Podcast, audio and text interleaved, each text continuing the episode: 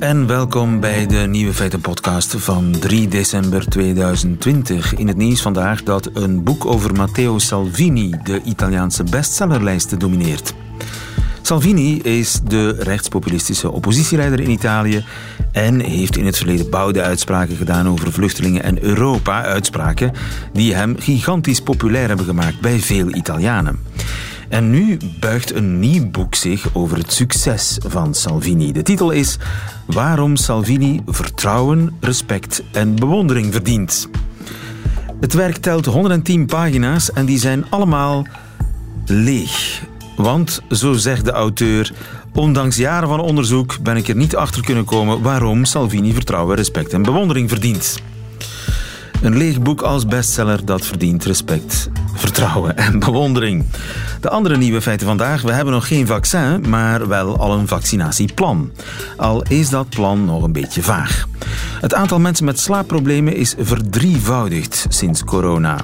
Het parket wou de in beroep veroordeelde sekscrimineel Bo Koolzaad niet eens naar de rechter sturen en blijft in zijn onschuld geloven. Wie controleert het parket? En tien slogans dingen naar de titel Slechtste slogan van het jaar. De nieuwe feiten van Otto Jan Ham hoort u in zijn middagjournaal. Veel plezier.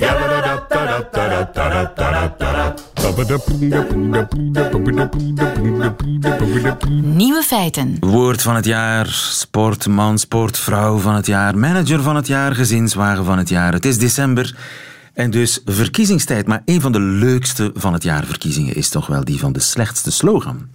Dag Tefke, goedemiddag. Ja, goedemiddag. Tefke, jij organiseert die sloganverkiezing. Je verzamelt al jaren slechte slogans op je blog. En je schreef ook het boek Ik verf tot ik sterf. Ja, klopt. Inderdaad. Het is voor de negende keer dat we deze verkiezing organiseren. Dus uh, de verzameling is inmiddels reuze. Ja, Ik verf tot ik sterf overigens vind ik niet eens zo'n slechte slogan. Um, nee, waarom niet? Ja, het is natuurlijk slecht, maar op een hele goede manier. Hij blijft wel hangen. Ja, en, en, dat is wel vaak wat we natuurlijk zien ook bij slogans. Ook bij slechte slogans is ook het doel van een slogan, net als met een jingle, dat die blijft hangen. En ja, je kunt je ook afvragen dat bij de inzendingen die wij krijgen voor slechte slogans, of ze dan echt slecht zijn als ze blijven hangen. En zeker als nu ze zeg maar, met onze verkiezingen ook zoveel aandacht krijgen. Ja. Um, het feit is dat ze sommige mensen in ieder geval wel tegen het zere been stoten. Of in ieder geval dat mensen er niet van gecharmeerd zijn. Um, ja, het is ook heel persoonsgebonden. Het is een kwestie van smaak. Van smaak. Of je of niet kunt waarderen, ja. Uiteindelijk hebben jullie tien finalisten bekendgemaakt. Uh, een van de finalisten is Geef elkaar tijdens het winkelen de pruimte. Ja, van de Lidl. Die heeft meerdere okay. corona-slogans gehad. Uh, daar zit ook een afbeelding bij, overigens, van een pruim. Ik weet ook niet of de pruimen op dat moment in de aanbieding waren. Uh, zo hebben ze er ook eentje gehad met, uh, met bessen, bijvoorbeeld. Ja, hier, je weet dat in Vlaanderen een pruim ook een andere betekenis heeft, een tweede betekenis heeft. Ja, ja zeker weet ik dat. Zeker. Oké, okay, dat, dat heeft meegespeeld bij de verkiezing, bij het toelaten tot de finale van deze slogan. Nou, dat weet ik niet zo. Volgens mij in Nederland heeft het ook wel die betekenis. Alleen het woord pruimte dat is natuurlijk niks. Dus dat is een nieuwe woord wat is bedacht, waarbij mensen denken: pruimte. Pardon? Het is wel creatief ja, of, natuurlijk, hè? Het is zeker creatief, ja. ja. Maar goed, met, met pruim en, en ook zo andere woorden, die zie je ook wel vaak terug, die toch enigszins seksueel getint zijn, die niet altijd uh, kunnen worden gewaardeerd. Zoals met kaas uit de Jordaan ga je als een banaan. Ja, banaan is weer wat anders dan een pruim. Hier is het ook een beetje toch ja, de, de, de rijm die wat simpel is. Een beetje Sinterklaas, uh, hoog Sinterklaas gehalte. Ja. Uh, er zijn ook mensen die daar wat allergisch voor zijn. Die dat iets te simpel vinden. Maar ja, vaak is het wel zo. Je onthoudt hem daardoor wel makkelijker natuurlijk. Ja. Uh, oh my god is ook een slogan van dakgoot ja. renovatiespecialist. Ja, ja, dat is een beetje een combinatie Nederlands-Engels ook natuurlijk. Oh my god, oh my god. Hmm. Ja, van zo net niet gelukt eigenlijk, hè? Net niet zo. Ja, ja, ja. Borst is ook natuurlijk inderdaad wat dat betreft een term die in het Engels dubbel, dubbel betekenis heeft. Um, dus Hulst Droge Worst heeft verzonnen de best worst of the world. the, the best worst of the world. Goed geprobeerd, hè? Ja, ja. Maar er is toch eentje die ik heel goed vind. Namelijk die van Jan Reek Natuursteen. Kun je even zeggen hoe die gaat? Zing, vecht, hak, bid, polijst, lach en bewonder. Kijk eens aan. Die is toch echt, dat is toch een randje fantastisch, hè? Ja. Ik ben niet zo enthousiast. Het is, het, is, het is beter gejat dan slecht verzonnen, uh, zou je kunnen zeggen. Uh, en die categoriseer er ook altijd wel, uh, wel meer. we hebben ook van bomenbezorgd.nl bijvoorbeeld de groenspecialist in hart en tuinieren. Zing, vecht, hak, bid, polijst, lach en bewonder. En wat was die van tuinieren?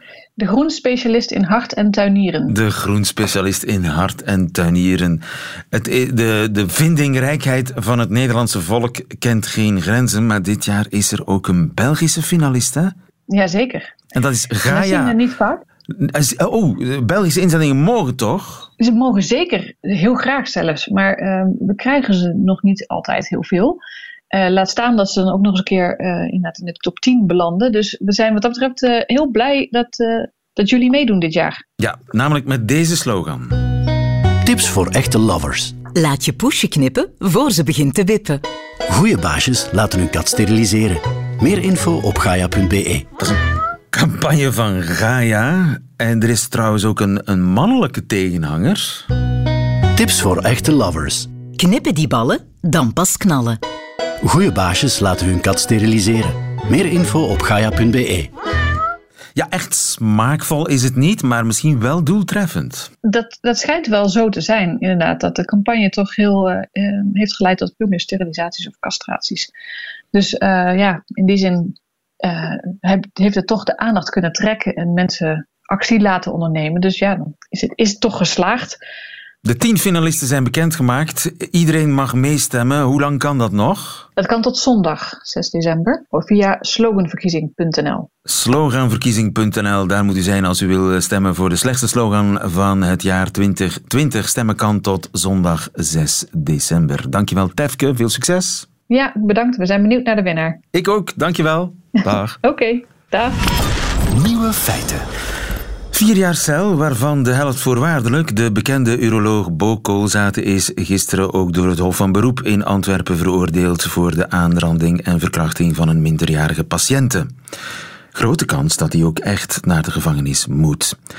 Maar het vreemde aan deze zaak is dat het Openbaar Ministerie de vrijspraak had gevraagd. Goedemiddag, Filip van Hende.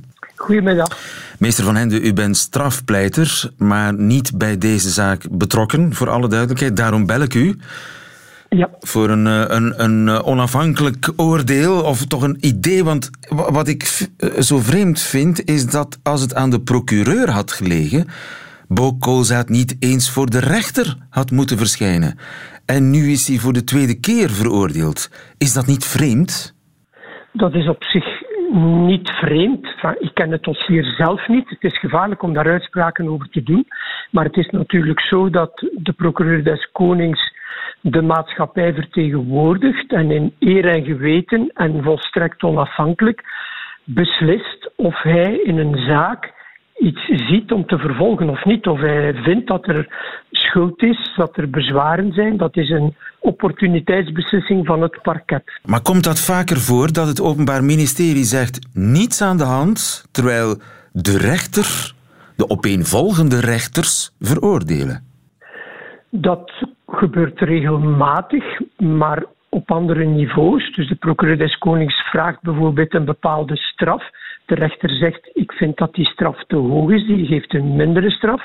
Het gebeurt vaak dat de procureur des Konings zaken seponeert.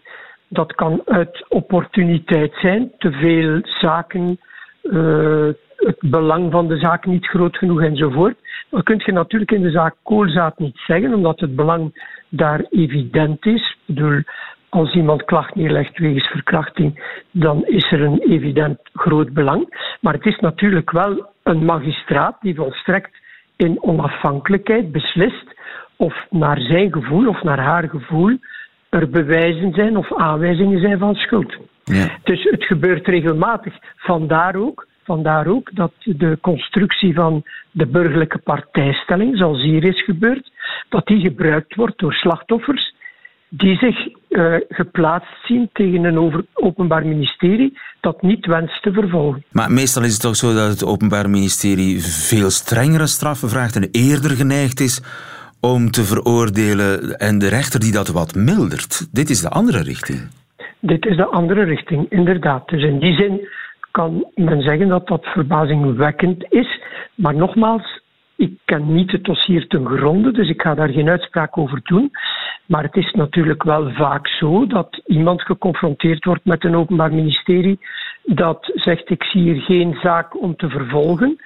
Dat het slachtoffer zich dan wendt tot de onderzoeksrechter met een klacht met burgerlijke partijstelling. En dat er uiteindelijk toch een veroordeling komt. Ja, nu, het niet uitzonderlijk. Maar het Openbaar Ministerie heeft drie keer op rij ongelijk gekregen van de rechters. Ja, dat klopt. Dat klopt. Uh, aan de ene dat? kant kan je zeggen, ja, je kan natuurlijk zeggen dat daar een zekere logica in zit.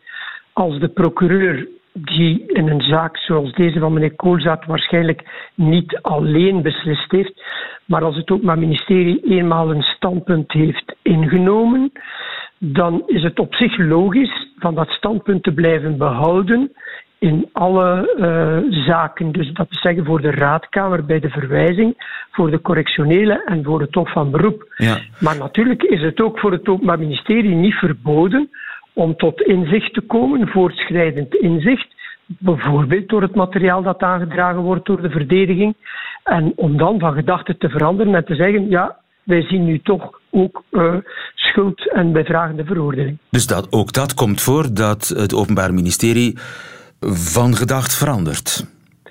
Uiteraard. Ja. Het Openbaar Ministerie zijn mensen en het gebeurt soms, op de zitting zelfs, dat het Openbaar Ministerie in strijd met de dagvaarding die ze zelf hebben uitgestuurd, zegt: uh, Ja, ik ben ondertussen tot inzicht gekomen en ik vind dat de persoon niet moet veroordeeld worden. Ja. Nu, in de loop van deze zaak zijn ook andere dames, een 25-tal, naar de politie gestapt met gelijkaardige klachten. Het Openbaar Ministerie heeft daar geen rekening mee gehouden. Ook dat lijkt mij merkwaardig. Dat is op zich merkwaardig, maar nog eens, ik ken de inhoud van die klachten niet. En het is natuurlijk, als ik dat op afstand bekijk, een beetje merkwaardig dat als er nieuwe klachten komen tegen dezelfde persoon, dat men daar niet minstens melding van maakt. Uh, maar het is iets gevaarlijk. Het is wat gevaarlijk om daar uitspraken over te doen, want ik ken die klachten niet. Ja. Dus ook daar is dat een opportuniteitsbeslissing van het parket of ze dat al dan niet willen samenvoegen. En wie controleert het parket?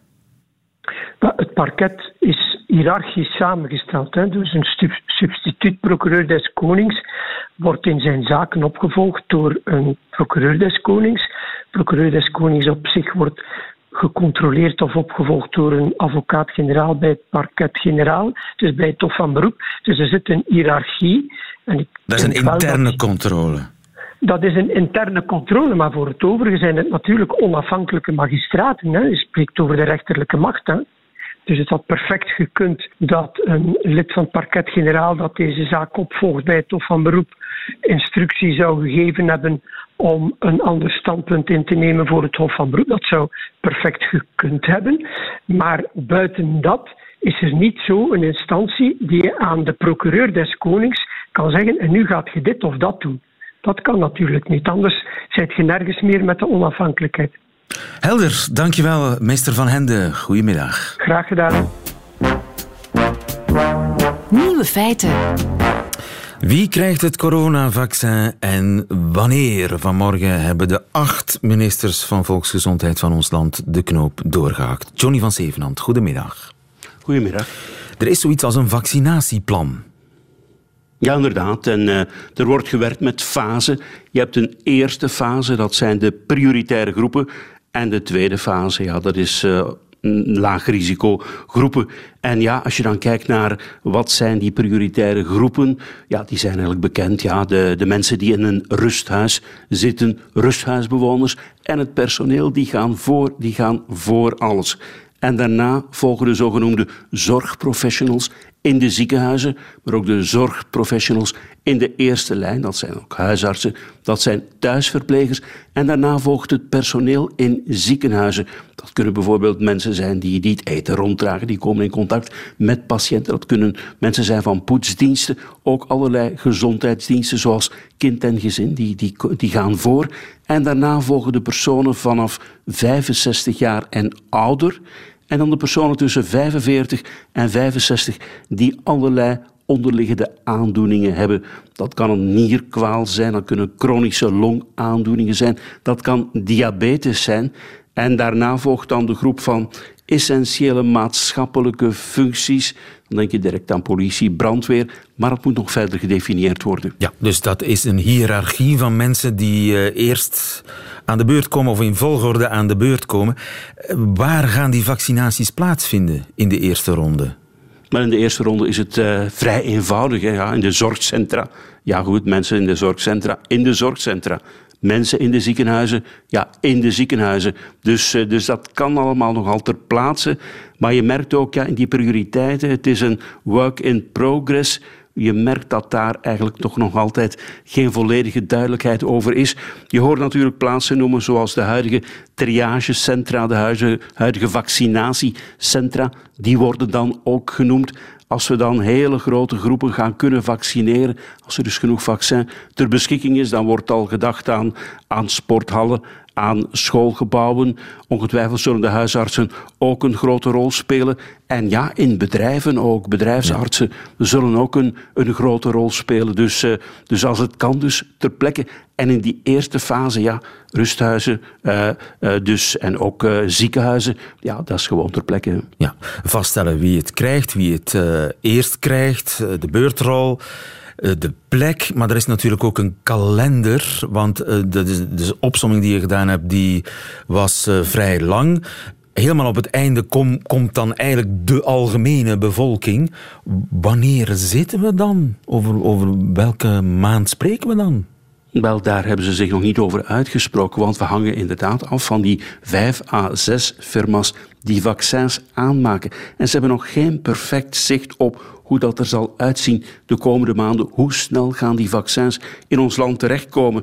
Want ja, om de prioritaire groepen te behandelen, hebben we al heel, heel erg veel uh, vaccins nodig. Bijvoorbeeld in de woonzorgcentra van heel het land, daar zitten 150.000 mensen. Er is ook nog eens 60.000 mensen personeel. En als we dan de ruime zorgverstrekkers, uh, ziekenhuizen, huisartsen en dergelijke meer uh, thuisverplegers, dan zit je aan een half miljoen mensen. Als je dat dus prioritair wil, ja, dat zal dus wel de, de, eerste maanden, ja, ik denk aan januari, februari, maart beslaan van het land. Dus ja, de cijfer die, die circuleren is, ja, het zou moeten mogelijk zijn om 4 miljoen mensen te vaccineren eh, tegen de zomer. En daarna zouden de overige 4 miljoen moeten komen, want je hebt er dan toch wel ja, om en bij de 8 miljoen nodig om die groepsimmuniteit te bereiken. Misschien nog even in herinnering brengen, je bent niet verplicht om je te laten vaccineren. Het is vrijwillig en het is gratis. Ja. Nu, uh, we hebben 8 miljoen mensen gevaccineerden nodig om die groepsimmuniteit te bereiken. Als we maar 4 miljoen gaan halen voor de zomer, dat betekent dat die groepsimmuniteit voor na de zomer zou zijn.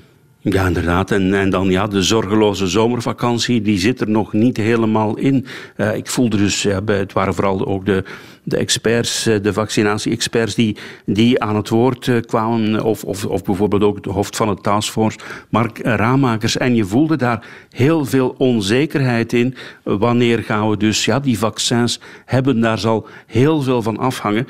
Maar ja, je hebt de hoge aantallen net gehoord voor mensen uit, uit de zorgsector. Dat zijn er al zoveel dat, dat het dan toch ja, uh, allemaal minder snel zal gaan dan we hopen. Dus nog ja. eens uh, de zorgeloze zomer, ik zou er nog niet op rekenen. Nee. Nu, in Duitsland zijn ze volop vaccinatiedorpen aan het bouwen. Een zestigtal van die vaccinatiedorpen die zouden tegen nieuwjaar al klaar zijn. Daarvoor worden inderdaad ook die lege expo-hallen gebruikt, die ook onze ministers eh, in het achterhoofd houden als locatie voor massale vaccinaties. Duitsland is er klaar mee in januari, omdat ze zeggen, ja, je weet maar nooit, misschien komen die vaccins toch veel vroeger dan verwacht en dan moeten we klaar zijn. Maar goed, we hebben bij ons uh, ja, de vaccinatiecentra. En er zijn er toch uh, verschillende per provincie. Uh, die kunnen heel snel. Of, of, ik had het eigenlijk over, over dus de testcentra, de testcentra die er nu al zijn. Ja. En dus die kunnen snel dus omgebouwd heel worden. Snel, heel snel omgebouwd worden tot vaccinatiecentra. En er zijn inderdaad ook scenario's dus van scholen, sporthallen en dergelijke meer. Maar het zijn toch wel een beetje zorgen voor later. Want al die prioritaire groepen, ja, die kunnen ter plaatse de, de prik krijgen. Dus, uh, dus ja, uh, het, het, zal verder uitgewerkt worden. Ik heb dat verschillende keren gehoord op die, op die digitale persconferentie. Overigens, het was wel heel bijzonder. Het was een Zoom-persconferentie. Je zag dus ja, de, de experts, de ministers, ja, in, in een klein, klein vakje zitten. En, en die, die zegden dan wat. En, en ook vragen stellen moest dan ook gebeuren via de chat. Dus... Dat dus was ja, even het was, het was ook voor de helemaal coronaproof. Helemaal coronaproof. 23 miljoen vaccins zijn er besteld bij vijf firma's. Eh, Vanaf 5 januari beginnen we te vaccineren. Maar hoeveel vaccins verwachten we dan 5 januari? Daar is uh, ja, niet echt heel veel duidelijkheid over gegeven. Ze zeggen, ja, wij, wij moeten effectief afwachten. Het, uh, er zijn op dit ogenblik nog maar twee firma's die bij de, bij de, bij de Europese Unie uh, een, een, een, een vergunning aangevraagd hebben, een goedkeuring. Dus, dus het is dus nog wel een beetje wachten. Dus Pfizer is bijvoorbeeld in orde, dat gaat heel snel komen. Maar uh, precieze cijfers heb ik daar niet, uh, niet gehoord en ook ja. niet in de PowerPoint gezien. Het is zoals gezegd een work in progress. Ja, er zijn nog geen vaccins, maar er is toch wel al een vaccinatieplan. Al is ook dat vaccinatieplan a work in progress. Johnny van Zevenand, dankjewel. Goedemiddag. Nieuwe feiten. Radio 1. Slaapt u ook minder goed tijdens de lockdown? Wel, u bent niet de enige. Blijkt uit onderzoek van uh, Olivier Meresse. Goedemiddag, Olivier. Goedemiddag. Je bent slaapexpert van de VUB. Hoeveel groter is de groep van slechte slapers geworden tijdens de lockdown? Wel, uit onze studie is gebleken uh, dat de, de, groep van slechte slapers die normaal voor de lockdown ongeveer uh, 7 à 8 procent van de populatie is, dat die wel uh, drie, verdrievoudigd is. Dat verdrievoudigd? ja, ongeveer een twintigtal procent van onze respondenten geven eigenlijk klachten aan van slapeloosheid die we zouden kunnen beschouwen als zijnde problematisch. Ja. Dus uh, een goede 20% van de mensen slaapt slecht door de lockdown. Dat is gigantisch. Ja, dat is toch wel een, een, een uh, iets groter dan dat we verwacht hadden. We hadden natuurlijk verwacht dat een, een, een, de eerste lockdown zeker effect zou gehad hebben op uh, slapeloosheidsklachten. Uh, maar dat was toch wel even schrikken wanneer dat we zagen wat de prevalentie nu was eigenlijk. Ja, dus het onderzoek is gebeurd tijdens de eerste lockdown. Dat moeten we er wel mm-hmm. bij vertellen. Die was natuurlijk ietsje strenger dan de huidige lockdown, hè?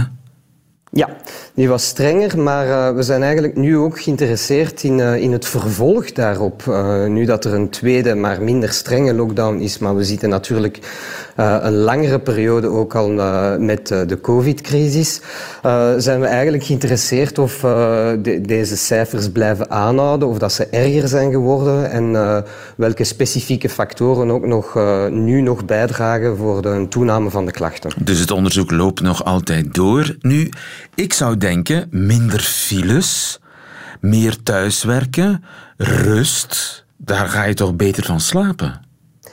Er is maar een klein deeltje die eigenlijk wel uh, die effecten, die positieve effecten van een lockdown heeft ervaren. Dus uh, we zien ook een, een, aan een kleine 5 tot 8 procent dat aangeeft uh, dat er minder klachten zijn in de lockdown. Maar de grote meerderheid heeft, enfin, of laten we zeggen, die, die 20 procent geeft toch aan dat er een verslechtering is. En dat kan waarschijnlijk te maken hebben met de effecten van de lockdown zelf, maar ook uh, angst en depressieve gevoelens die gelinkt zijn aan de COVID-crisis. Ja, ja, dus dat zou een belangrijke oorzaak kunnen zijn van de toegenomen slapeloosheid, dat mensen depressiever en angstiger zijn geworden. Ja, en nu gaan we eigenlijk in de, in de vervolgstudie specifiek ook gaan nagaan of dat het effectief gelinkt is aan uh, angst of depressieve gevoelens voor uh, de, het virus zelf of het effect en of het effect van uh, de lockdown zelf. Ja, de isolatie, zeg maar. Dat je minder sociale contacten hebt, dat je daardoor ja, uh, angstiger wordt, minder weerbaar bent en dus meer ligt te piekeren in je bed in plaats van te slapen. Hoe zit het met mannen versus vrouwen? Hebben vrouwen meer last van de lockdown en de slapeloosheid dan mannen? Uh, nee, dus vrouwen hebben niet meer dan mannen last van de situatie, maar het is wel zo dat uh, vrouwen in het algemeen uh, meer klachten hebben van insomnie. En dus dat was eigenlijk al, al zo voor de lockdown ook. Dat weten we uit, uit de literatuur en onze cijfers bevestigen dat. En dat verschil blijft aanhouden ook tijdens de lockdown. Dus er is een stijging zowel bij vrouwen als bij mannen, maar vrouwen hebben nog altijd meer klachten rond insomnie. Ja, en geldt het ook meer voor alleenstaande singles of voor gezinnen. Uh, weet u daar iets over? Maar daar is, uh, momenteel uh, gaan we in onze tweede studie daar ook meer aandacht aan besteden om te weten wat de thuissituatie is uh, van de persoon en ja. of dat een invloed heeft. Dus dan gaan we ook eigenlijk nagaan wat de... Ja, het, het, woord is vaak op, opgenomen geweest nu in de media ook, die knuffelcontacten. Ja. Wel, nu gaan we ook gaan nagaan of dat een effect kan hebben uh, op onze slaap ook. Of dat mensen eigenlijk echt een nood aan die knuffelcontacten hebben en wanneer dat die uh, niet aan die nood is uh, voldaan. Of dat ze eigenlijk ook daardoor slaapklachten ervaren bijvoorbeeld. Ja, van de, klachten van de afwezigheid van een knuffelcontact. Ja. Dat zou kunnen. En is er een verschil tussen jong en oud? Uh, wel, we zien dat de klachten uh, na, uh, naarmate het ouder worden nogal de neiging hebben om te verminderen. Dus ah, we zouden misschien verwacht hebben dat, dat ouderen meer klachten zouden hebben, maar dat blijkt eigenlijk niet het geval te zijn.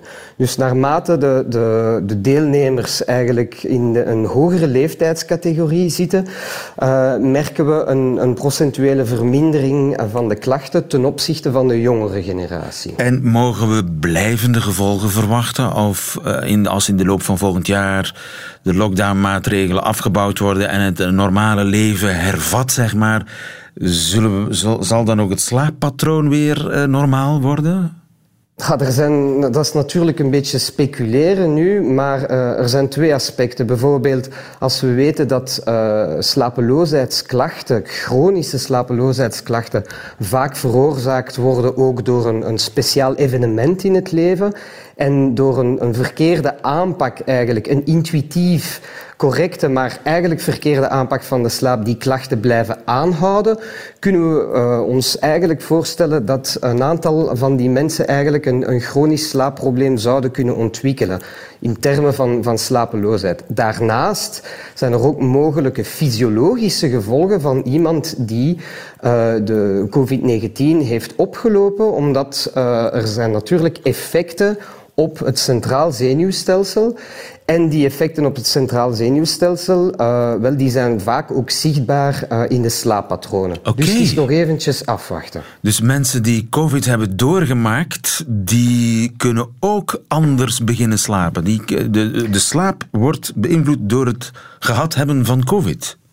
Uh, dat is onze hypothese althans. We zien dat wel uh, betreffende de klachten rond insomnie, dat die hoger zijn bij de mensen die COVID-positief waren. Het waren er niet zoveel in onze eerste studie natuurlijk. Nu in de tweede studie verwachten we dat meer mensen uh, besmet zijn geraakt en, en, we zijn heel benieuwd naar de effecten dat dat zal hebben op insomnie. Maar natuurlijk, zoals ik zeg, het is nog eventjes afwachten om objectieve resultaten ook te hebben over die slaap en of dat die slaap aangetast zou kunnen zijn. Hou ons op de hoogte. Dankjewel, Olivier ja. Meres van de VB. Goed. Goedemiddag. Dankjewel. Dag. Dat waren de nieuwe feiten van 3 december 2020. Alleen nog die van Otto Jan Ham krijgt u in zijn middagjournaal. Nieuwe feiten. Middagjournaal. Ik zag eruit als Kim Kardashian vanochtend toen ik de baby ging wegbrengen. Sinds enkele weken gaat ze naar de crash, die is vlakbij. Tegelijk laat ik dan de hond uit en bedenk ik waarover mijn middagjournaal nu weer moet gaan. De baby zit dan in een draagzak En die is nieuw en heeft een nogal schreeuwerig opzichtige luipaardprint. Ook voor mannen, heeft mijn vriendin mij verzekerd. Maar die is van haar eerste leugen niet gestorven. We zijn wat dat betreft voor elkaar gemaakt. Ze heeft de draagzak gekregen van een invloedrijke vriendin die hem gratis was opgestuurd. In de winkel kost dat ding om voor mij onduidelijke redenen een fortuin. Zo wil ik niet naar buiten, probeerde ik nog en ik herhaalde dat ik vond dat ik op Kim Kardashian leek. Ik hou niet van Kim Kardashian, alleen haar man vind ik erger. Onzin, googelde mijn vriendin. Kim Kardashian heeft deze niet. Wie wel? Jessica Biel en Chrissy Teigen, dat is de vrouw van John Legend en die vind jij goed. En ook Jessica Alba. Dat zijn toch vooral veel Jessica's, sputterde ik nog tegen. Maar daar bleek het niet om te gaan. Het gaat om de ergonomie. je wilt toch niet dat je dochter over 40 jaar evenveel gaat zeiken over rugklachten als jij? Geen slecht argument voorwaar. Met enige schaamte verliet ik het pand. Toen ik de hoek om was, zag ik een lange rij mensen staan. Ze schoven aan voor de deur van het Centrum van Menswelzijn, een organisatie die onder meer aan voedselbedeling doet voor kansarmen. In Halle, op 200 meter van mijn voordeur verwijderd, staan er mensen in de rij voor een voedselpakket. Een lange rij. Aan diversiteit geen gebrek, gelukkig maar, want ik heb begrepen dat dat tegenwoordig een dingetje is. Ik moest heel die rij langs, met mijn dikke oude hond en mijn dikke kleine baby, goed ingeduffeld en voor de rest van haar leven verzekerd van een pijnvrije rug. Baby en hond gaven geen kick, maar het waren 50 eindeloze meters.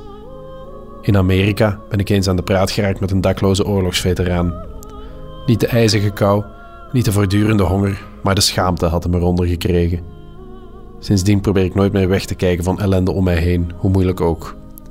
Achter mijn mondmasker mompelde ik wat halloos en ik knikte me een weg vooruit. Bijna niemand knikte terug. Aangekomen bij de crash werd de baby aan de deur van mij overgenomen.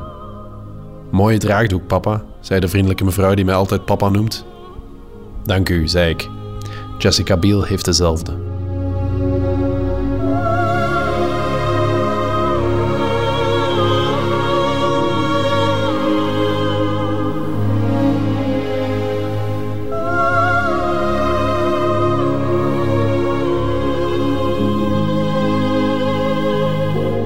Jan Ham en zijn Jessica-factor in het middagjournaal. Einde van deze podcast. Hoort u liever de volledige uitzending van Nieuwe Feiten? Dat kan natuurlijk ook via radio1.be of via onze app. Tot een volgende keer.